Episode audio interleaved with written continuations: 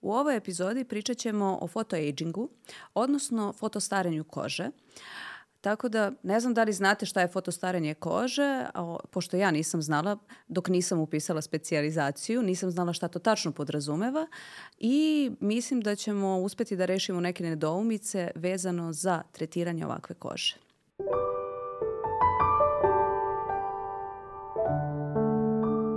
Ok, šta je sta, fotostarenje kože? Šta je to photoaging? Photoaging zvuči kao onako fotoaparat. Da. znači nije to u pitanju. U pitanju je prevremeno ostarala koža pod uticajem, to jest zbog uticaja UV zračenja. To znači da smo se tokom života previše izlagali UV zračenju u smislu sunčanja, odnosno izlagala, izlaganja suncu tokom života e, ili veštačkim izvorima UV zračenja. To znači ovaj, uglavnom solarijumi ili u terapijske svrhe, na primjer puva terapija, to imamo jel, kod nas u dermatologiji i slično.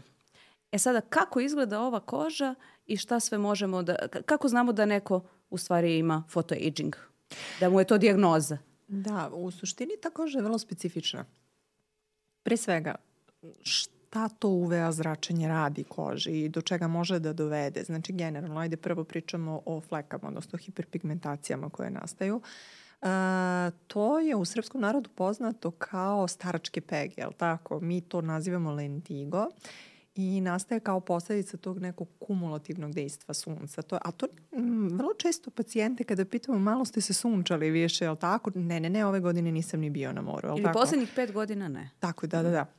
Međutim, to je ono što mi pokušavamo da im objasnimo, a to je da je to u stvari kumulativno. To je ono izlaganje suncu od detinstva pa sve do današnjeg dana, jer koža je sve to prikupljala, koža pamti, koža pamti da. tako je. Ove, tako da, uh, ovaj, generalno tu prvenstveno pričamo o tim staračkim pegama, odnosno o lentigu. Uh, potom, vrlo je specifično uh, bili smo već pričali negde o starenju kože, o značaju kolagenih i elastičnih vlakana i tako dalje i kako u stvari to uve zračenje e, dovodi do prevremenog i prebrzog uništavanja kolagenih i elastičnih mm. vlakana. To suštinski zra, znači da će tonus kože dosta opasti mm -hmm. i da će bore biti znatno, značajno izražena. To znači da su dosta dublje i da su dosta gušće raspoređene. Ove, tako da, generalno to je, i postoji čak i u našim učbenicima za specializaciju, ali tako, postoji ona jedna jako interesantna fotografija da. čoveka, znaš o čemu pričam? Znam, koji je bio profesionalni vozač, pa mu je jedna strana lica u stvari bila hronično konstantno ove, par decenije izro, izložena UV zračenju. Naravno nije nosio fotoprotektivne preparate. I bukvalno jedna polovina lica je skroz izbrazdana, u smislu dosta imamo opuštenu kožu sa te strane, dosta duboke bore, hiperpigmentacije, a druga polovina lica je maltene umereno onako ovaj, naborana. Postoji ogromna razlika. Ogromna, da, baš, ba, baš je ogromna razlika, kao da je neko povukao liniju. Da. I to se tako vidi. Tako da, uh, generalno, kada pričamo o fotoagingu, najčešće pričamo o tom momentu pada tonusa i dublje izraženih bora i u suštini o ovaj, e, tim flekama koje nastaju. Tako da koža koja je pretrpela to neko solarno oštećenje, odnosno koje, koje je pretrpelo oštećenje od ovaj, e, zračenja, generalno vrlo specifično izgleda. Dosta je istanjena, uh, dosta delo je hrapava, tako? Znači... Ja, ja volim da kažem ovaj, svojim pacijentkinjama, pošto imam ih, nažalost, ovaj, njih dosta koje su ranije, na primjer, u mladosti dosta uh, išle u solarijum, ja kažem koža postaje onako malo žvakasta. Znači je. imamo ta elastična vlakna koja um, nekako više nisu to kvaliteta koje bi trebalo da budu i nema, imamo manje kolagenih vlakana. I onda kad kažemo imamo dosta elastičnih vlakana ispadne kao da je to dobro, a u stvari ovde to se zove elastozis Tako kutis. Je. Znači, hiperelastična koža koja u stvari deluje onda mletavo. I koja se ne vrati na svoje mesto kada se tako razvuče. Yes. A, generalno šta, u suštini u, u, kod nas ovde negde onako važi jedno verovanje da preplanuli ten je mnogo lepši Što dobro, ok. Tu o ukusima ne vredi raspravljati, ali generalno gledano mislim da bismo trebali malo da pričamo o tom štetnom dejstvu sunca. Ajde da ostavimo zdravlje kožu u smislu karcinoma i tih nekih stvari sada po strani, nego da pričamo samo o momentu starenja. O aristokratskom belom tijelu. Tako, da. ovaj, generalno kada pričamo o UV zračenju imamo UVA, UVB zrake, jel tako? Jeste. UVB zraci su kraći, oni delaju na površini samo i to je ono kada kažemo izgoreli smo na suncu, to je u stvari posledica tog UVB zračenja. I nisu tako? zanemarljivi zbog karcinogeneze, znači tako je. Tako o tom je. Ali put. kada pričamo o da. starenju kože, uh, tada govorimo o tom efektu UVA zraka najviše. Zašto? Zato što on prodire do tog dermalnog sloja, tog srednjeg sloja kože gde se nalaze ta kolagena i elastična vlakna i u suštini dovodi do njihovog uništenja. Tako da to je u stvari jedan ključan korak Jeste. u nastanku, je li tako? I imamo infracrveno zračenje koje isto vrlo često ljudi zaboravljaju kad kupuju, na primjer, one preparate sa zaštitnim faktorom i sad kao najbitnije da li je 30, 25 ili 50 a zaboravljaju da je bitno da piše da je širokog spektra zaštita, znači UVA, UVB i RA, to znači infracrveno zračenje. I sada postoji jedan dobar akcenat um, i na tom plavom, odnosno plavoj svetlosti koja postoji znači u vidljivoj svetlosti ovaj sunčevog zračenja, znači u celom tom spektru, ali postoji i sa ekrana, znači monitora, telefona, znači kompjutera, tako da vrlo često osobe koje inače imaju problem sa, sa tim flekama, znači to su sad i melazme i generalno ove fleke od sunca, m, treba da znaju da nanošenje preparata sa zaštitnim faktorom treba da se drži i ovaj, upravo zaštitu od plave svetlosti. Od te plave svetlosti, da. tako je. Uh, ono što je dobro vezano za tu plavu svetlost to je što nije dovedeno u vezu sa pojavom karcinoma da. kože. Ali da, dovodi do ubrzanog starenja kože i ti efekti su jasno vidljivi golim okom. E sad što možemo da posavetujemo ljudima, ok, neće naravno ljudi nositi kremo sa zaštitnim faktorom dok su u svojoj kući na poslu i rade za monitorom, ali... Nažalost, ovaj, postoje osobe koje su nemedicinske struke koje upravo ovo preporučuju da, ljudima. Do, ok. Da. da.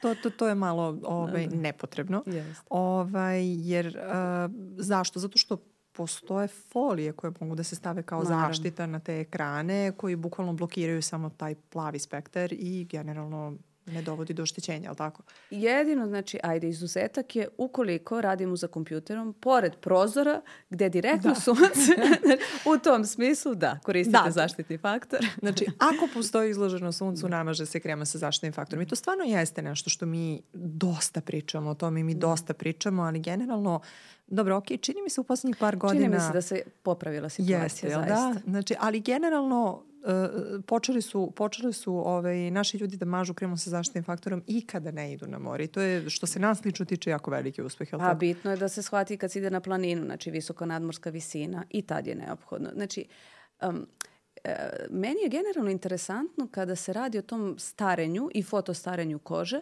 što žene, uglavnom žene, vrlo često onako žele tu jednu magičnu kremu koja će da im reši sve probleme. I ja uvek kažem, postoji, ta krema postoji, kaže koja? Kažem, krema sa zaštitnim faktorom. Da. I onda su oni kao iza, ama daj, kao, pa nisam mislila na to. Ja sam mislila na to. Znači, ljudi ne, ne shvataju da je to najznačajnija anti-age krema koju mogu da nanesu svakodnevno na svoju kožu. Znači, nije preskupa uglavnom. Znači, uglavnom postoje kreme koje su vrlo, vrlo se mogu priuštiti, a najbolja, najbolja zaštita od foto, fotostarenja i od starenja kože. Generalno i od starenja. Mene bukvalno pacijentkinje naj, najčešće me pitaju koja je najbolja anti-age krema koja da. postoji kod nas na tržištu. Nebitno je koliko košta. Bukvalno svaka krema sa visokim zaštitnim faktorom yes. i sa širokim SPF. Yes. Znači, to, to su zaista najkvalit yes. i to je najbolje što možete da uradite za svoju kožu generalno što se tiče tog problema starenja. Ali dobro, u slučajevima kada nastane to fotooštećenje, ali tako, mm. mislim, najčešće nas pacijenti pitaju šta možemo da uradimo po tom pitanju i da li postoji neki magičan tretman, čarobni štapić. Uh, Međutim, naravno da ne postoji magičan, da. ovaj, ali generalno postoji tu dosta što mi možemo da uradimo, a da im dosta pomognemo. Pa da, ne postoji jedan tretman, postoji više tretmana i to je uglavnom u zavisnosti sad od e, svakog pacijenta po osob. Znači, to je niz nekih različitih tretmana, to je neki protokol koji mi pravimo za svakog pacijenta, e, gde sad koristimo, kažem, različite ovaj, procedure od injektabilnih, to znači da nešto ubrizgavamo u kožu, da postaknemo malo sintezu ovaj novih kolagenih vlakana, znači pokrenemo one naše fibroblaste koji sintetišu ta vlakna, do hijalurona, vitamina, antioksidanasa, znači sve ono što će u stvari da preokrene taj proces a, destrukcije dalje destrukcije kolagenih i elastičnih vlakana, da ishidrira tu kožu, da vrati jedrinu, da stimuliše sintezu novog kolagena. I kažem, to je uglavnom niz nekih procedura, samo treba biti strpljiv i naravno hemijski pilinzi, laseri, kažem, Da, znači... kada pričamo o hiperpigmentacijama, generalno po mom nekom iskustvu, najbolji rezultati se postižu sa, sa, sa, sa laserima. I nekako dosta su laseri u poslednjih 5-6 godini uznapredovali u toj priči, mm. tako. To se ranije radilo sa laserima koji su bili dugog pulsa, to su sada već nanosekundni i pikosekundni laseri koji suštinski vrlo ciljano Precizno. deluju vrlo, vrlo, vrlo, to su, kada pričamo o dermatološkim laserima, o medicinskim mm. laserima, to znači da su ti laseri prvo bezbedni, drugo da su visoko selektivne, to je da deluju tačno na određeni molekul. I to je to. Kada pričamo o hiperpigmentaciji, tu govorimo o melaninu, to je taj pigment koji u stvari dovodi do pojave ove te fleke i kada u stvari laser udari u taj pigment, uništi ga i na taj način mi u stvari rešavamo problem fleke. A što se tiče teksture kože koja isto tako bude dosta oštećena, odnosno mm. izmenjena, Ove, tu već govorimo o laserskim pilezima, o hemijskim, o hemijskim pilezima. pilezima. Da, to je interesantno da ta fotooštećena koža, to nismo spomenuli, često ima a, onako neke pojave na koži u vidu nekih grudvica, nekih cistica. Pa kaže, ovo sam pokušala da iscedim, ali nešto nije htelo, onako beličasto, nije htelo da izađe, ali nije bubuljica, ali ne znam šta je. To je u stvari sebacelna hiperplazija. Znači imamo lojnu žlezdu koja pod uticajem znači, uve zračenja se uvećava i postane jedna cistična formacija koja je benigna promena, ali estetski može da smeta pacijentima. Isto tako, da li su to radiotalasi, da li je to laserski tretman, Aha. znači bezbedno možemo da uklonimo Da, to su potpuno benigne promene Jest. i one kada se uklone ne ostavljaju ožiljak niti bilo šta. I najčešće pacijenti Ako se, se lepo javljaju... uklanjaju jel, je. od strane stručnih lica, onda ne ostavljaju. E da, to da. je u stvari jedan jako, jako bitan moment koji bismo htjeli da, mm -hmm. da, da, da koji, to bih jako volila da naglasimo. Uh, Postavljanje dijagnoze sebacelne hiperplazije u suštini radi isključivo dermatolog. Zašto? Zato što ne možemo nekada napravimo golim okom distinkciju, odnosno razliku u odnosu na bazocelularni karcinom. Upravo. Da. Upravo. I zašto? Zato što mi generalno svi dermatolozi imaju dermoskop, to je nama negde osnovna alatka za radi, kada se, to je jedna lupa koja radi pod velikim uvećanjem, se posmatra koža i onda se mm. vide te neke najsitnije strukture koje golim okom definitivno nisu vidljive i na taj način mi u stvari možemo da postavimo diagnozu sa preciznošću od 99,9%, što mislim da je i više naravno, nego dovoljno. Naravno.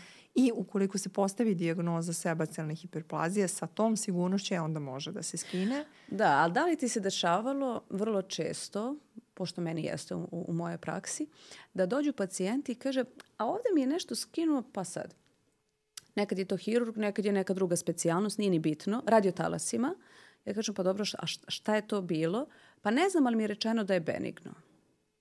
Ili kaže, pa je poslato na histopatologiju? Naravno, radio talasima kada se uklanja, teško da je to poslato na histopatologiju. Ili čak jeste, ali rezultati su neadekvatni. Neadekvatni, da. naravno. Isključivo hiruški kada se ukloni, onda možemo Tako. da vidimo sve ono što je potrebno histopatološki, znači pod mikroskopom.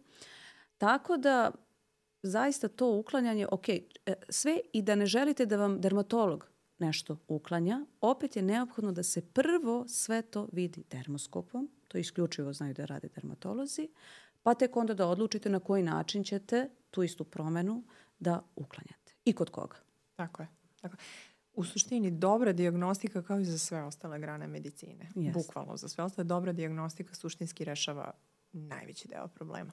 Što se tiče terapije svih tih sebacelnih hiperplazija, sebrojičih keratoza, da. recimo. Koje su isto često u foto, fotostarenju kože. Tako je. Pa, da. I oni skin tags, odnosno kožni privesci, papilomi, da. fibromi i tako dalje, isto tako mogu da budu udruženi sa time. To zaista sve može da se skine sa ovaj, elektrokauterom, laserom. Jeste zaista predivnim estetskim rezultatima, odnosno bez ikakvih da. posledica, ali zaista pre toga stvarno je neophodno detaljan pregled svake promene i postavljanje diagnoze. I dakle, da napravimo neki zaključak, fotostarenje se suštinski može prevenirati, znači sprečiti svakodnevnim nanošenjem faktora sa širokim spektrom, izbegavanje sunca u onom čuvenom vremenu, znači negde od 10 do 4, 5, ja bih rekla pre 17, 5 da, da, da. da, popodne, u letnjem periodu, obaveznim opet nanošenjem faktora, znači dodatnim, Tako je. reaplikovanjem, znači ponovim nanošenjem na svaka dva sata i kad smo na planini, kad skijamo, to se nekako Tako vrlo je. često zaboravlja. Izvini, ali čak i kada se šetamo po gradu. Čak i kada se šetamo, posebno leti, ajde u zimskom periodu, mada mi znamo da imamo UV zračenje uvek i kroz oblake i kada je oblačno vreme. Tako da e, glavna prevencija je nanošenja fa- ovaj faktora, znači kremova sa zaštitnim faktorom a, i naravno u letnjem periodu izbegavanje sunca i nošenje fotoprotektivne odeće, što će reći ovaj, ovo što pokazujem, to je šešir sa širokim a, obodom. A, sad imamo čak i one majice ovaj, sa faktorom 50 za kupanje. Uvete majice čuvene. Jeste, ali Da. sam čula da, da dosta mojih pacijenata, na primjer, kad im to spomenem, kaže, ja ne znam da, da, da to postoji. Postoji, posebno za decu, pošto smo malo Da. pre naučili da koža sve pamti, tako da je neophodno i naše najmlađe da zaštitimo i ovaj, obavezno to nekako isto ljudi zaboravljaju da se bebe takođe štite zaštitnim kremovima. Bez obzira što su bebe, postoje formulacije prilagođene za najmlađe. Najčešće su mi ljudi bili iznenađeni jer kao moje, moja beba novorođena nije bila na suncu, ali to je ono što mi pričamo. Postoji refleksija, sunce dođe do asfalta, Jeste. odbije se od asfalta i onda dolazi jel te, u, u kolici. I da, zato je jako bitno da se čak i bebama pre izlaska u šednju nanese krema sa zaštitnim faktorom, jel tako? I da se redovno nanosi u redovnim vremenskim razmacima. Tako da rekli smo šta je prevencija, rekli smo na koji način se leči. Znači poenta je da iako postoje zaista dostupne sada različite procedure od strane različitih lekara, opet je negde dermatološka dijagnostika na prvom mestu, jer prevremeno starenje kože može da se leči.